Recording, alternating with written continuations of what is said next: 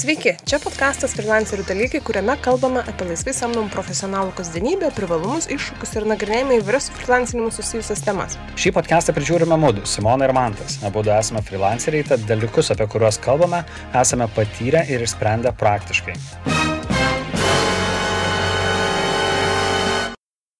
Šiandien mes kalbam apie kūrybinius blokus. Kaip juos įveikti, kaip, pavyzdžiui, negali ką nors pradėti sukurti, arba pradedi kurti, bet negali niekaip sugalvoti, kaip reikėtų pabaigti. Ir tikiu, kad kiekvienas žmogus, kuris kažką gyvenime kuria, jisai tikrai yra atsidūręs šitoje vietoje, kai tiesiog atrodo trankai galvą į sieną ir nebenori nieko daugiau daryti, nori pabėgti, nori užsimti visais įmanomais darbais, kurių tau visai dabar net nereikia daryti, kad tik nereikėtų toliau kurti.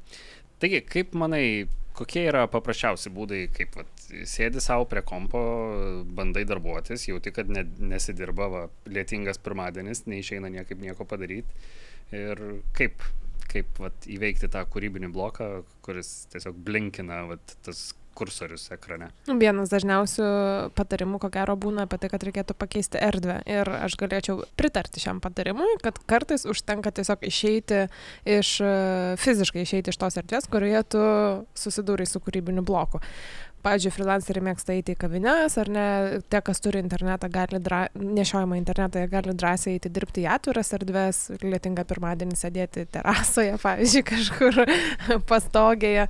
Mm, vienas dar iš būdų pakeisti erdvę, tai yra eiti į ten, kur yra labai daug triukšmo arba ten, kur yra visiška tyla, ta prasme, nu, pakeisti aplinką į tokią, kokioje e, tu dabar nesi. Mhm. Ir šiaip liečiant erdvę, aš manau, vienas iš irgi dalykų, kuris padeda būti kūrybiškiems, tai yra turėti būtent dedikuotą erdvę kūrybai. Tai... Kalbinam apie namus, biurą ar apie nesvarbu, pastatus? Nesvarbu, nesvarbu, gali būti mhm. irgi, gali būti namuose tam tikras kampas, kuriame tu sėdi ir galvoji ir kūrybinė, gali būti kažkuri tiesiog fizinė erdvė, į kurią tu važiuoji ir kūrybinė. Bet tiesiog mūsų galvoje visos neuroasociacijos su tuo tada su, susidaro, kad čia aš kūrybinu, čia man patinka kūrybinti ir na ta visa nuotaika, visa atmosfera yra skirta būtent tam. O kaip nesugadinti tos vietos? Atvažiuoji į vietą, kurioje tu kūrybini ir tada atsidarai deklaraciją VMI, ar ne? ir sugadini. Panašiai, panašiai, panašiai. Arba erdvė, kurioje tu nusprendi dirbti konkrečiai, kad tik dirbo, o staiga žiūri, kad čia pusę dienos praskrolinai internetuose arba pražiūrėjai YouTube filmukus ir, mhm. nu, pamažu va šitaip sugadini. Bet kartais susiduri su kūrybiniu bloku ir žinai, kad tau reikia pabėgti į kitą erdvę ir niekaip negali iškūrybinti tas erdvės, į kurią tu norėtum pabėgti. Ką daryti tada? Salės pagalba. Salės pagalba, eini pas žmonės, kalbėsi su jais, ar ne? Jo. Tai iš tikrųjų čia gali būti ir tas kitas patarimas, kad tiesiog pasikalbėti su žmonėmis, kurie mažiausiai arba labiausiai nusimano mano srityje, kurioje tu iš tikrųjų šiuo metu esi užstrigęs. Tai čia pasikalbėti su bet kuo. panašiai, panašiai. Mhm. O kodėl reikėtų, gerai, aš man atrodo suprantu, kodėl reikėtų kalbėti su žmonėmis, kurie yra mažiausiai su šitas rytimis susidūrę, bet aš manau, kad tu galėtum tai paaiškinti, jeigu netyčia klausytojams kyla kokiu nors klausimu. Iš tikrųjų, aš bent jau taip darydavau, kai rašydavau tekstus, pavyzdžiui. Tai aš tekstą duodavau perskaityti žmogui, kuris gerai nusimano srityje ir labai mažai nusimano srityje. Ir ypač duodavau žmonėms, kurie prieštarauja tam tekstui, kurie iš, iš, iš karto turi iš ankstinį nusistatymą, apie kuriuos aš žinodavau. Ir jie iš tikrųjų tada labai gerai argumentuodavo dalykus, sakydavo, va, čia šitaip negalima, čia šitas neteisingai, čia pasaulyje taip nebūna. Ir tai iš tikrųjų tampa turiniu, kurį tu toliau įdedi į tą straipsnį ar į tą tekstą ar į bet kur, kur tu, ką tu kūrybindavai. Mhm. Ir šitaip netgi, pavyzdžiui, jeigu tai yra pardaviminiai tekstai, tai šitaip gali iš anksto užbėgti už akių potencialaus kliento vidiniams prieštaravimams. Ir na, natūraliai praplėti, praplėti tą tekstą. Mhm. Aš tai galėčiau pridurti, kad toks metodas eiti pas žmonės, kurie apskritai nelabai su to susiduria, jisai gali būti taikomas nebūtinai va tiem mm, tokiam standartiškai kūrybiniam darbam, kaip tarkim tekstų rašymas, bet tai gali būti taikoma ir sprendimų paieškai. Taip, taip, tarkim, taip. tau reikia sugalvoti renginiui sprendimą, ar ne, kaip padaryti, kad visi žmonės darytų šitaip, arba kaip suvesti, arba kaip e, rasti naują metodą kažkam kažko išmokti ir panašiai. Ir tada gali irgi eiti pa žmonės, kurie iš tikrųjų tame neverda ir jie gali tau padėti tiesiog pasižiūrėti iš šono į visą tą problemą arba gali padėti įsijausti į patį vartotoją, kaip, kaip jisai galėtų dalyvauti tavo sprendime tame, kurį tu dabar kuri. Tai va, tai sakyčiau, kad tai taikoma tik nebūtinai tą kūrybiškais darbais užsiemant apskritai. Iš tikrųjų, šitai yra labai svarbu, aš galvoju. Nes, pavyzdžiui, jeigu tu gerai išmanai kažkuria sritį ir tu manai, kad visiems reikia taip pat gerai ją išmanyti, kartais užstringi mažose detalėse, kurios iš tikrųjų iš šono pažvelgus jos nėra tokios svarbios. O jeigu jau tu kalbėsi apie labai specifinius dalykus, tai tikėtina, kad tie specialistai, kurie klausys, jie irgi žinos didžiumą tų dalykų. Tai kartais mes tiesiog užstringame netose vietose bandydami išnarplioti giliausias, giliausias smulkmenas. Mhm. Gerai. Čia kaip su kokia audio įranga būna, bet žmonės sako, kad kuo daugiau žinai apie audio įrangą, komponentus, laidus ir visą kitą, tuo sunkiau pasidaro ją išsirinkti. taip, čia turbūt su visais dalykais taip yra. Iš pradžių reikės pagal spalvą, paskui supranti, kad ten yra ir daugiau ką, ką, ką pasverti. Gerai, o jeigu pakalbėtumėm apie tą kūrybinį bloką, kuris e, vadinamas dar tuščio lapo fobija, ar kaip jį pasakyti, kad tu net ne, nežinai, nuo ko pradėti apskritai. Vat sėdi pusvalandį ir nesugalvoji, koks galėtų būti tavo startas, ką dar būtų galima padaryti, kad pakeistum šitą situaciją. Aš tai sakyčiau, paveikti kažką visiškai priešingo. Ir, Aha. pavyzdžiui, jeigu tai yra labai trumpas kažkoks užstrigimas, ar ne, čia reikia greit sugalvoti kažkokią idėją, tai aš sakyčiau, reikia paskaičiuok įsijung kokią programą ir reikia skaičiuoti lygčių, dar ko nors, kaip tau tik tai atrodo geriausia. Siaubas. Taip, vat būtent, vat veik tokius dalykus, kurie yra, nu, visiškai priešingi tam, ką tu dabar darai. Bet tai kas nors ir sakytų, va tai nuplauti indų, arba reikia susitvarkyti namus ne, ir reikia prie... Čia, čia jau, nors tai irgi yra tam tikra prasme teisingas mhm. sprendimas, mhm. nes šiaip tiesiog aš tą vadinu tiesiog paleisti ir, ir realiai kažkada ateina mintis. Nes bent jau su skaičiais, kas liečia skaičius, tai iš va, tokių kūrybiškumo pratimų pusės, tai tiesiog yra manoma, kad tuo metu, kai tu pradedi labai intensyviai sutelkdėmėsi į skaičius, į kažką labai stipriai konkretaus, tai tiesiog tam background'e smegenys toliau viską veikia, tik tai tu nebesikiši savo tuo stresiniu spaudimu, kad sugalvo kažką, sugalvo kažką, sugalvo kažką. tai va, tai jeigu sugebi vat, pasitraukti ir sakyti, aš dabar einu spręsti e, lygti, bandysiu savo galvą ištraukti ten kubinę šaknį iš ten didžiausio skaičiaus. Ir mhm. štai. Supratau, aš kai su skaičiais visiškai nesusiduriu savo veikloje, tai turbūt mano skaičiai būtų iškep piragą, kokį nors receptą skaičių turbūt yra daugiausia per visą mano gyvenimą. Gerai, čia džiaugsas, ai, taip sakant, aš turėčiau dar kitą dalyką, kuris galbūt visiškai yra priešingas tavajam. Jėga tai yra išbūk iki galo. Nes e, aš pastebėjau su savimi, kad e, jeigu aš pabėgu, aš kartais e, užduotį, kurią galėčiau iš tikrųjų atlikti per keletą valandų, aš ją padarau per keletą dienų, kūrybinę užduotį.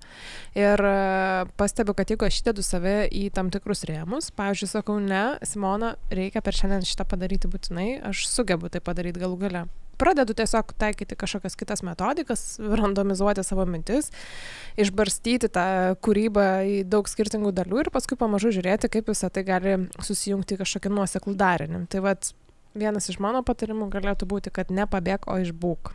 Ir aš manau, šitą dalyką labai gerai žino kiekvienas studentas rašantis darbą paskutinę naktį. O taip. Kai iš tikro laiko turi, nesvarbu, kiek tu jo beturėjai, vis tiek pasirinkti paskutinės 5-6 valandas, tai realiai, nu, tu tą patį laiką galėjai išnaudoti kažkada labai efektyviai. Ir šitas iš tikro yra labai svarbus, vat, kai su mokymais dirbam, tai yra darbų planavime, nes kiek darbui duosi atlikti laiko, tiek jisai ir sugebės išsiplėsti. Mhm. Tai kartais iš tikro yra geriau žinot aišku rėmą ir pasidaryti jį ne tokį, kaip atrodo, kad turėtų, būtų pasidaryti tiesiog mažesnį. Jeigu vis tiek jau iš principo darysi viską paskutinį pusvalandį arba tiesiog pusvalandį, tiesiog imk susikaupk ir padaryk. Ir dažnai netgi a, tie patys kūrybiniai procesai, jie dažnai pasibaigia ir žmonės užstringa, nes jie tiesiog ištaško tas pačias aiškiausias mintis, tuos ir taip jau žinomus dalykus ir galiausiai reikia tik tai šiek tiek save pastumti, kad atsirastų tos naujos mintis. Ir tai nėra labai malonu ir žmonės sustoja. Mhm. Aš tai gal netgi galėčiau dar pridurti, kad e, šitai galėtų būti taikoma nebūtinai susidūrus su kūrybiniu bloku, bet ir e, planuojant darbo dienos apskritai. Į mane kažkada kreipėsi mano bičiulė, sakydama, kad aš niekaip negaliu susikaupti ir sako, man niekaip neišeina normaliai dirbti. Ir tada nutinka taip, kad tu praktiškai dirbi visą parą, nes tavo smegenys nuolatos yra tame strese, kad tu kažko nepadarai ir tu kažką reikėtų daryti daryti. Tai vienas iš mano patarimų irgi buvo tiesiog susitarti su savimi. Dirbu dvi valandas. Likusios 22, ne, bet dirbu 2 valandas ir tas 2 valandas aš dirbu tikrai kitą dieną, tu gali, mhm. tarkim, 2 valandas 20 minučių ir, ir ten po savaitės dirbi 4 valandas, tarkim, ar ne, bet susitarti su savimi, kiek padarau tiek, stengiuosi maksimumą išspausti iš tų 2 valandų ar ten 3 valandų ar kažkiek tai, bet vat, įvedus šitą ribojimą, jisai padeda tiek geriau paskui atsipalaiduoti ir, ir turėti laisvą laiką ir kartu leidžia tau labai efektyviai susikaupus padaryti darbą, ar tai kūrybinis, ar tai nekūrybinis jis bebūtų. Šitas yra irgi labai puikus patarimas. Nu, vat, aš labai mėgstu šitoj srity, tai tiesiog laikmatį atgal pasidaryti. Kažkada perskaičiau, kad švedų, man atrodo, buvo tyrimas apie tai, kad žmonės per dieną gali dirbti tik tai 4 valandas efektyviai. Tokio grino, grino hardcore darbo yra tik tai 4 valandos, kurį sugeba išspausti smegenys. Pritarčiau turbūt. Aha, aš irgi lygiai taip pat. Ir aš, pavyzdžiui, irgi mėgdavau tiesiog pas, užsistatyti laikrodį, laikmatį keturiom valandom ir paleisti jį tik tai tada at, atbulinę eigą, kai aš dirbu. Ir tiesiog realiai žinai, kad štai per dieną aš turiu keturias valandas darbo ir dirbi, dirbi, dirbi, dirbi. Ir... O darai pertraukas tarp šitų? Taip. Mhm. Jo, nes kažkam gali, bet tas stresas ir nuovargis irgi kalti labai greitai, jeigu jisai sakytų, kad aš nedarau pertraukų, nes tai yra prokrastinacija. -hmm. Tai nuo, nuo ko aš bandau save išgelbėti, tai aš dabar neva tą blogį įnešu į savo discipliną, žinai. O jeigu jau šiaip prakalbam apie mokslus ir technologijas, tai galbūt mūsų klausytojams būtų įdomu pasiklausyti kitų podcastų, kurios turi 15 minučių klausyk platformą ir vienas iš jų, bent jau mano mėgstamas ir kaip tik technologijų srityje, tai yra Technotronika. Pavogė mano mėgstamiausia, aš norėjau šitą sakyti. Taip, tai Gediminas Galkauskas 15 min klausyk platformoje turi savo e, podcastą apie šiandienos ir ateities technologijas, tai jeigu jums įdomus freelancerių dalykai, aš tikiu, kad galėtų būti įdomu, įdomi ir ta tema. Nes mes tai jos klausom namuose, pas mus dažnai skamba tiek, kiek Gediminas išleidžia, tiek iš karto visada klausom, po to diskutuojam ir, ir, ir, ir arba sutinkam, arba nesutinkam. tai va, o grįžtant atgal prie kūrybinių blokų, tai vienas iš mano dar turbūt siūlymų yra tiesiog leisti laiką su kūrybiškai žmonėmis, nes kartais dalykai, kuriuos darai ir atrodo, kad jie yra savaime suprantami, kitų žmonių gyvenimuose jie vyksta visiškai kitaip, visiškai kita tvarka ir visiškai kitokiais principais. Tai iš tikrųjų, kuo dažniau leidi laiką su kitais žmonėmis, tuo daugiau tų skirtingų versijų, kaip atlikti tą patį darbą gali pamatyti. Mhm. Ką tu turi omeny su kūrybiškai žmonėmis? nu, vad, kurie tau atrodo kūrybiškai. Aha, supratau, nes aš... Individualiai. Okay.